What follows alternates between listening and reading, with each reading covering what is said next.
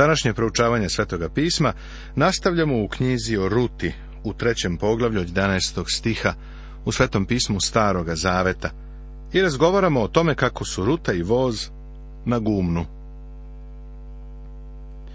Prema Mojsijevom zakonu mogla je da pozove gradske starešine i da otvoreno kaže vozu Zahtevam da ti budeš moj osvetnik.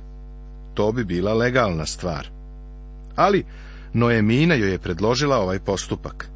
Rekla je, o legalitetu neće biti nikakvih pitanja, jer je očigledno da ovaj čovek želi da bude tvoj osvetnik. Sve što treba da uradiš jeste da mu pokažeš da si spremna da njega tražiš za svog osvetnika. Tako ona odlazi na gumno i na ovaj vrlo pristojan i tih način pokazuje mu da ga želi za svog osvetnika voz odmah želi da je uzme za ženu, jer je samo na to čekao. Ovaj čovek odmah stupa u akciju, jer mu je put otvoren, slobodan je da deluje. Ona traži njega. Hvala Bogu da imamo spasitelja i da je naš odnos sa njim priča o ljubavi. On je voleo nas i dao je sebe za nas da bi nas otkupio. Kako je to divno i drago iskustvo znati da imamo spasitelja koji je umro za nas, koji nas voli i za nas danas živi. Pogledaj šta voz kaže. Zato sada, kćeri moja, ne boj se. Što god rečeš, učinit ću ti, jer zna celo mesto naroda moga da si poštena žena. Mislim da si već zapazio reputaciju ove strankinje, koja bi u običnim uslovima bila izgnanik u Vitlejemu. Izgnanik, jer je Mojsijev zakon isključivao Moavce. Znala je da je Moavcima i Amorejcima bilo zabranjeno da ulaze u gospodnji zbor. No mina ju je pripremila da pre nego što su došle u Vitlejem, nikada neće imati priliku da se ponovo uda, jer Ruta je prihvatila taj status. Verujem da se po gradu pričalo i da su je vrlo pažljivo pratili u početku. Ne znam šta su sve govorili, ali sam siguran da su, između ostalo, govorili Ova devojka koja je došla sa Noeminom je stvarno fina. Sigurno će se potruditi da zadobije nekog od naših mladiće. Ali ona ovo uopšte nije pokušavala. Umesto toga ona je izgradila divnu reputaciju u Vitlemu. Voz nastavlja. Jeste istina, ja sam ti osvetnik, ali ima još te bliži od mene. Kako je za ovo znao? Pa već je istraživao. Vidiš, voz je bio spreman da stupi u akciju istog trenutka kada mu ruta da zeleno svetlo. Samo na to je čekao. Činjenica je da je postojao još jedan potencijalni osvetnik koji je bio bliži rod od njega i to mu je vezivalo ruke. Taj drugi rođak je možda bio bogatiji od voza. Pretpostavimo da je voz u toku onih šest nedelja žetve govorio Ruti. Ruta, želim da budem tvoj osvetnik. Pretpostavimo da mu je ona odgovorila, veoma sam ti zahvalna, ali te ne želim. Kada dođe vreme, tražit ću onog drugog čoveka. On je bogatiji, pa želim da on bude moj osvetnik. Siroti voz bi stvarno bio u lošem položaju. Morao je da čeka, sve dok mu ona nije dala znak da želi njega. Onog trenutka kada mu je to pokazala, on njoj govori. Problem je u tome da postoji još jedan osvetnik koji ti je bliži od mene, pa on ima prednost. Drugim rečima, prvo sa njim treba rešiti problem. Ovaj drugi rođak, pretpostavljam, bio je Elimelehov brat, stric prvog rutinog muža, a voz je verovatno bio dalji rođak njenog prvog muža. Tako je on kaže. Želim da budem tvoj osvetnik, ali ćemo prvo vidjeti šta o svemu misli ovaj drugi čovek. Prenoći ovde, pa sutra ako te htet bude uzeti, dobro neka uzme. Ako li ne htet bude uzeti, ja ću te uzeti, tako živ bio gospod. Spavaj do jutra. Drugim rečima, Voz nije siguran šta da radi, ako ovaj drugi čovek bude želeo da joj bude osvetnik, ali planira da ide putem koji će tog drugog čoveka eliminisati kao osvetnika. On stalno naglašava reč osvetnik. Na jevrejskom jeziku to je goel. On treba da otkupi rutinu svojinu, jer ona ima da nasledi svojinu koju je njen muž imao. On treba da je otkupi. To je njegov prioritet. Voz, kaže Ruti, da tu ostane preko noći. Nije želeo da se po mraku vraća u Vitlejem. U to vreme putevi nisu bili ništa bezbedniji nego danas. Kada čitamo o dobu sudija, uviđamo da ljudi nisu putovali glavnim putevima, jer nisu bili bezbedni. Zato su išli preko polja, zato ovim postupkom voz hoće da zaštiti devojku. I ona spava kod nogu njegovih do jutra. Potom usta dok još ne mogaše čovek čoveka raspoznati, jer voz reče da se ne dozna da je žena dolazila na gumno. Razlog za ovo je očigledan. Nije želeo da ovaj drugi rođak to sazna, jer ako on bude išta znao o njegovoj želji, da mu Ruta bude žena, Možda će ga to podstaći na ideju da odmah eliminiše voza. Voz želi da sam reši ovaj slučaj, pa kreće u akciju. I reče, daj ogrtač koji imaš na sebi i drži ga. I ona ga podrža, a on joj izmeri šest merica ječma i naprti joj i ona ode u grad. Drugim rečima, on joj daje vrlo velikodušan dar i dođe krvi svojoj, koja joj reče, šta bi kćeri moja? A ona joj kaza sve što joj učini onaj čovek. I reče, ovih šest merica ječma dade mi, jer mi reče, nemoj se vratiti prazna ka krvi svojoj. A ona joj reče, počekaj, kćeri moja, dok doznaš kako će izaći, jer onaj čovek neće se smiriti dok ne svrši stvar danas. Ruta, sada možeš samo da sedneš u stolicu za ljuljanje i da čekaš šta će biti. Od sada će voz biti čovek od akcije. On će se pobrinuti za ovaj slučaj. U njemu možeš naći počinak. Delo otkupljenja će biti njegovo. Prijatelju, divno je imati spasitelja u kome se možeš odmoriti, znajući da je on tvoj osvetnik i otkupitelj kakav je on dar za nas. On je učinio delo izbavljenja. Ti i ja smo pozvani da uđemo u odmor otkupljenja jer je postignut. Sećaš se da je Hristos u svojoj prvosvešteničkoj molitvi rekao svome ocu, ja te proslavih na zemlji, svrših delo koje si mi dao da učinim, kako je zapisano u četvrtom stihu 17. poglavlja Evanđelja po Jovanu. To je bilo delo otkupljenja na krstu. Kada je Isus visio tamo na krstu, sećaš se da je rekao svršeno je, kako je zapisano u 19. poglavlju u 30. stihu Evanđelja po Jovanu. A kada je povikao svršeno je, to je tvoje i moje otkupljenje bilo svršeno, postignuto.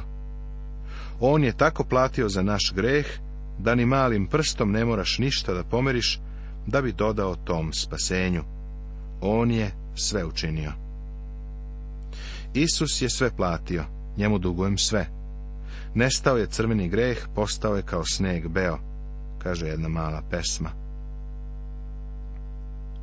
Delo otkupljenja je njegovo delo, a ti i ja treba da uđemo u to savršeno delo otkupljenja, koje je On učinio za nas.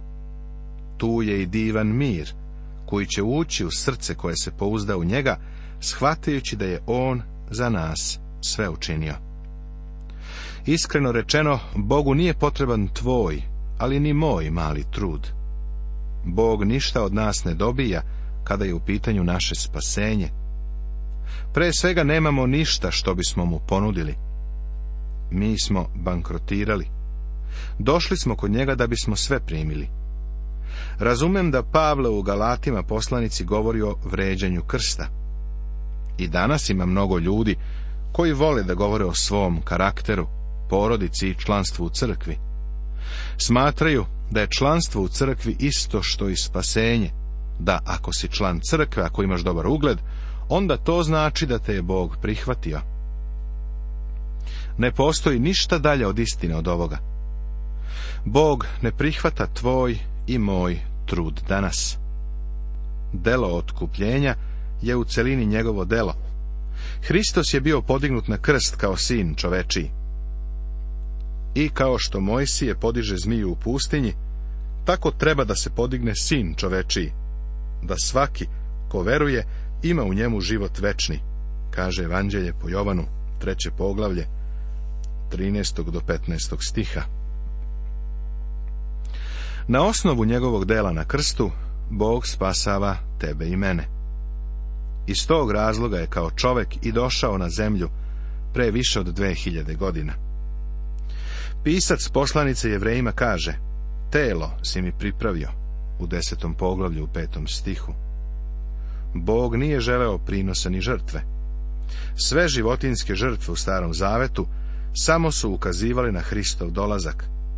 Pripremale su ljude na dolazak spasitelja na svet nas spasava naše prihvatenje i primanje Hrista. On je spasitelj. U stvari ne spasava nas ni naša vera. Hristos nas spasava.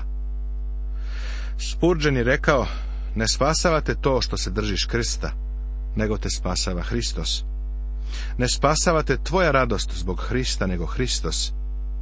Čak te ni tvoja vera ne spasava, iako je instrument, nego te spasava Hristova krv i zasluga. Vidiš, vera nas samo osposobljava da uhvatimo spasenje koje je Hristos za nas stekao. Danas mu ti ili veruješ, ili ne veruješ. Ne postoji nikakvo neutralno ili srednje tlo. Ili se odmaraš u njemu, ili se trudiš da zaradiš spasenje. Treće poglavlje knjige o Ruti se završava rečima koje je Nojemina uputila Ruti. Ovaj čovek se neće smiriti dok ne svrši stvar danas.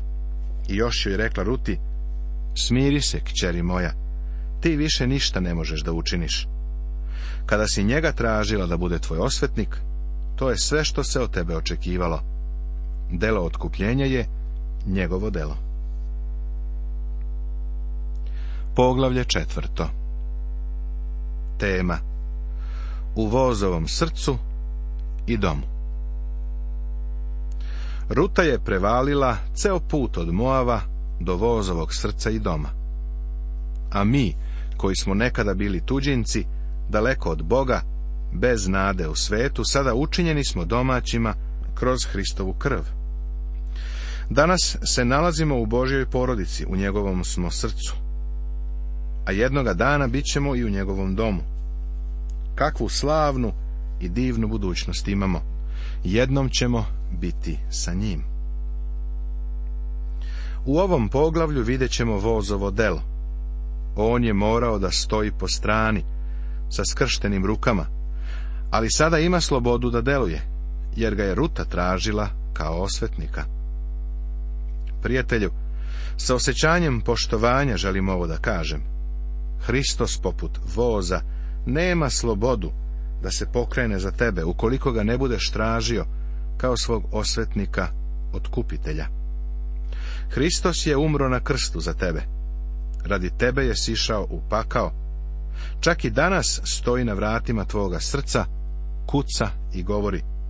Vidi, stojim na vratima i kucam.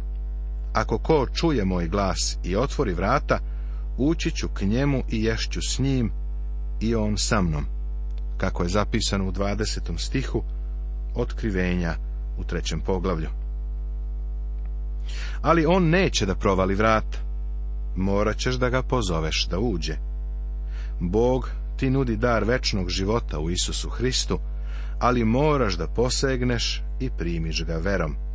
Verom primaš Hrista. Voz je spreman da deluje kao osvetnik. Ruta treba da čeka i da mu dozvoli da on sve sredi. On je sada taj koji iskoračuje u javnosti i izražava želju da ona pripadne njemu. U stvari on izlaže opasnosti sve što ima i sve što jeste. Ali on želi Rutu, voli je. Ovo je ta divna poruka ove knjige. Otkupljenje je romansa jer nas Bog voli i otkupljuje. A voz iziđe na vrata gradska i sede onde. I gle, naiđe onaj osvetnik, za koga voz govoraše, i reče mu voz, hodi ovamo, sedi ovde. I on dođe i sede. Voz iziđe na vrata. Zašto je otišao tamo? Pa prosto zato što su vrata bila kao sud, tu se sazivao sud. U našem načinu života, bar u prošlosti, bio je običaj da se zgrada suda pravi u centru grada, da se oko nje postavi trg. Tako je u stvari ceo grad pravljen oko nje. U državi Teksas gde sam rođen, to je učinjeno u skoro svakom sedištu okruga. U vozovo vreme je bilo drugačije. Vidiš, mnogi gradovi su bili ograđeni zidinama, da bi se građani zaštitili od razbojnika ili neprijatelja koji bi s polja napadao. Gradovi su bili veoma zbijeni, ulice su bile uzane, a kuće zidane vrlo blizu jedne druge i grupisane. To možeš vidjeti i danas u Jerusalemu i Vitlejemu. Većina starih gradova to pokazuje. Vitlejem je u rutino vrijeme bio takvo mesto, pa su vrata ili kapija bila mesto kroz koje su svi prolazili, ulazili i izlazili. Tako je bilo i sa zgradom suda u staro doba. Posebno u subotu, ako si želeo da vidiš bilo koga u tom okrugu, samo je trebalo da odeš na trg oko suda i odmah su se stvarale šanse da ga vidiš. U ovo starozavetno doba ljudi su odlazili na gradska vrata. Voz je na gradska vrata otišao iz dva razloga. To je bilo mesto na kome je zasedao sud i on je želeo da drugog mogućeg osvetnika izvede na sud. Drugi razlog je da voz zna da će taj drugi čovek pre ili kasnije proći kroz gradska vrata. Zato je otišao tamo, seo i čekao ga na znak koliko je čekao. Vozu se sigurno činilo dugo. Ali je na kraju naišao čovek koga je želeo da vidi. Ovaj čovek, koji je bio rutin mogući osvetnik, bio je bliži rod nego voz. Ne znam njihove rodbinske veze. U to vreme ljudi nisu izričito navodili te odnose. Nisi mogao da odrediš ko je blizak ako daljni rođak. Neko ti je bio rođak ili ti nije bio rođak. Ista reč se koristila i za brata, i za strica, kao i za neku treću rodbinsku vezu. Pretpostavljam da je ovaj drugi čovjek bio Elimelehov brat, brat Noemininog muža, što znači da je bio stric Rutinog prvog muža. Kada ga je voz ugledao, rekao je, hodi ovamo. Postavlja se pitanje da li je voz uopšte znao njegovo ime. Mislim da jeste. Svi mi ponekad učinimo nešto slično, siguran sam u to. Iako znamo kako se neko zove, u trenutku mu se obratimo ne spomenjući mu ime. U tom uzbudljivom momentu voz je propustio da ga pozove po imenu. Uveren sam da ga je voz poznavao. Obojice su živjeli u Vitlejemu i bili su krvni srodnici. Tako je ovaj drugi osvetnik došao i seo. Reagovao je na ono što je sa vozove strane delovalo kao zapovest. Verujem da se njegova reakcija može prosto ovako protumačiti. Šta je to sa vozom? Vreme je žetve i svi smo zauzeti u poljima, a on me zadržava. Mora biti da ima nešto važno, o čemu bi razgovarao, to je baš neobično. Tako ovaj osvetnik, ni iz kakvog drugog razloga, osim iz radoznalosti, želi da sazna šta to voz ima na umu. Potom uze voz deset ljudi između starešina gradskih i reče, posedajte ovde, i posedaše. Ova desetorica su bili gradske starešine, bili su sudije. Ovo je sudnica i sud zaseda. Još u prvoj knjizi Mojsijevoj naći ćeš kako su ljudi koji su otišli u Sodom, našli Lota kako sedi na gradskim vratima Lot je postao beznačajni sudija u Sodomu. Čak i u to daleko vreme gradska vrata su služila kao sudnica, a ljudi koji su tu sedeli bili su sudije. Sada je voz sazvao zasedanje suda, pa su spremni da saslušaju slučaj. Voz je spreman da ga iznese. Nastavit će se.